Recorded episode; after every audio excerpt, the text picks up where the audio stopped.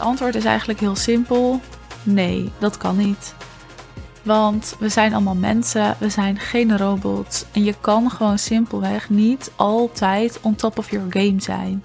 Dat gaat een beetje met ups en downs. En tuurlijk wil ik voor je dat je het grootste gedeelte van de tijd wel on top of your game bent. Zodat je door kan zetten, stappen kan maken. Maar ik wil het ook normaliseren dat dat gewoon niet is wat altijd maar kan. En dat daar ook over gepraat mag worden. En dat je het jezelf ook niet kwalijk neemt, want dat is wat er vaak gebeurt. Dan ben je even niet aan top of your game en dan raak je gefrustreerd. Of dan denk je, wat ben ik aan het doen? Ik kan dit niet en anderen kunnen het wel. Daar komen er twijfels en stemmetjes op die niet nodig zijn. Want elke ondernemer, elke grote ondernemer, en ook ondernemers die nu ontzettend veel geld verdienen, zijn niet altijd on top of hun game. En het interessante hiervan is, ik wil zo wat voorbeelden noemen, maar dat die, als dat even niet zijn, daar ook weer uitkomen.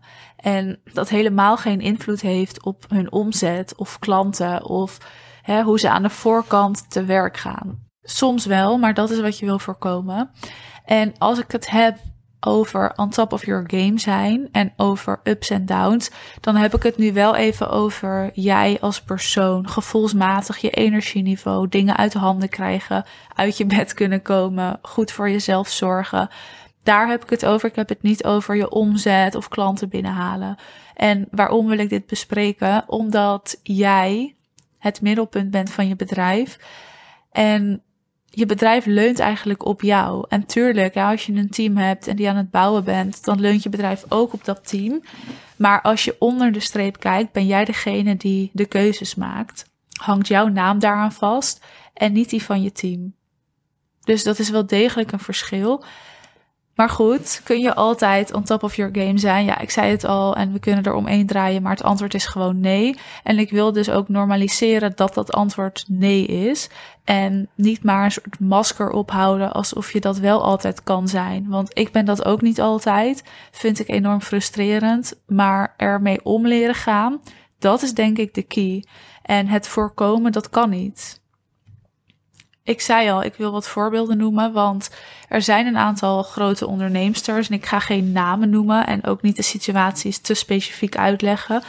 Maar er zijn een aantal grote onderneemsters die ook fases hebben gehad waarin ze niet on top of hun game waren. En er is dus een verschil in waar je dat ziet en wat je wel en niet wil daarin. Dus dat je soms een dipje hebt is oké. Dat je even niks uit je handen krijgt is oké. Dat je niet sport, laat je bed uitkomt, dat is oké. Want dat hebben we allemaal. We zijn nogmaals mensen en geen robots. Maar waar zie je dat terug? Daar gaat het om.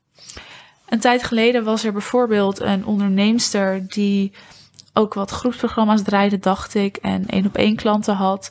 En zij ging gewoon door een moeilijke periode heen in haar privéleven. Dat kan gebeuren, want dat hebben we allemaal. Hè? Je bent ondernemer, maar je bent ook mens. Dus je hebt ook gewoon een leven, misschien een relatie, kids. Er kan van alles gebeuren waar jij geen invloed op hebt. Nou, dat was in dit geval ook zo. En zij was eigenlijk niet bereikbaar. Drie maanden. Haar klanten wisten van niks, wisten niet waar zij doorheen ging. En dat heeft geresulteerd in echt een grote groep hele erge ontevreden klanten.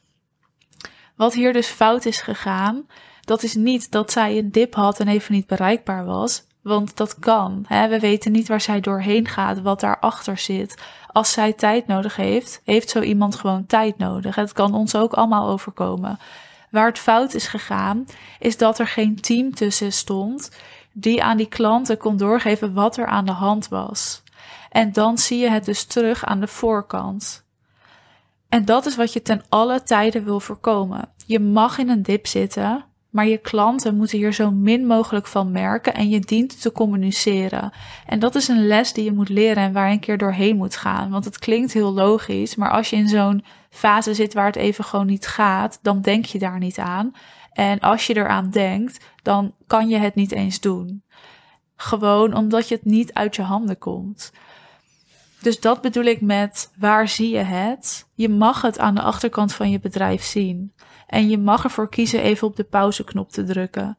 Maar zorg ervoor dat het aan de voorkant niet te erg opvalt. Je mag er wel over praten en communiceren, laat het maar weten.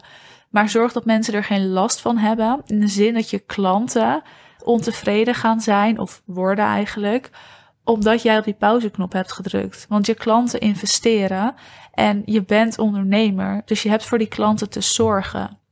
Jij hebt je klanten te dragen. En wat je daarvoor dus te doen hebt, is ten eerste als je ervaart dat hè, je even zo'n dipje hebt, dat je je team daarvan op de hoogte stelt. Dus communicatie, openheid, eerlijkheid en kwetsbaarheid, dat is hier gewoon belangrijk. Dat je team er dus op let wat er gebeurt en dat je team ook taken kan oppakken. Daarvoor is een sterk team zo fijn en nodig ook. En dat jij de tijd kan nemen om uit dat dipje te komen. En dipje klinkt heel heftig hè? en ik heb het nu ook over een wat pittigere situatie. Maar het komt ook wel eens voor dat je gewoon even geen energie hebt, dat er kleine taken blijven liggen. Dan vraag je ook je team daarvoor. Maar zorg dat er mensen om je heen staan in jouw bedrijf die zo'n dipje kunnen opvangen. En dipje nogmaals klinkt heftig, maar het kan ook gewoon iets heel kleins en simpels zijn. Dus als gewoon even weinig energie, niet goed voor jezelf zorgen en een volle agenda waardoor taken blijven liggen. Maar als je er maar voor zorgt dat klanten dit bijvoorbeeld niet merken.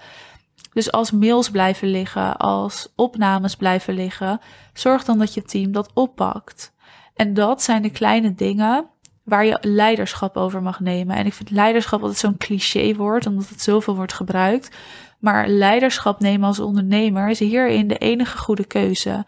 Dus wat je doet is het bij jezelf opmerken. Dus jezelf heel goed leren kennen. Jezelf ook kennen en kunnen opmerken wanneer je dit ervaart.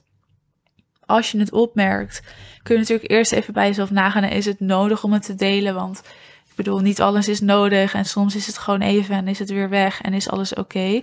Maar als je denkt, oké, mensen gaan het nu merken en het heeft invloed of impact op de voorkant van mijn bedrijf of op de tevredenheid van mijn klanten, ja, dan kun je er wat mee doen. En dan ga je de mensen die om jou heen staan, bijvoorbeeld je team of experts die jij soms inhuurt, vragen om taken op te pakken. En dat is precies wat ik bedoel met leiderschap. Herkennen en ook een stukje erkennen, want je moet er oké mee zijn. Hulp durven vragen, zodat alles doorloopt. En dat is ook ondernemen. Hè? Ondernemen is niet alles maar zelf doen en blijven uitvoeren en dus altijd on top of your game zijn. Nee, ondernemen is heel eerlijk kunnen zijn naar jezelf, keuzes kunnen maken en dat kunnen doorvoeren, zodat die klant eigenlijk altijd weer op één staat en gewoon tevreden is. En dat is dus het verschil met zie je het aan de voorkant of zie je het aan de achterkant. En communicatie, leiderschap, herkennen en erkennen is hierin cruciaal.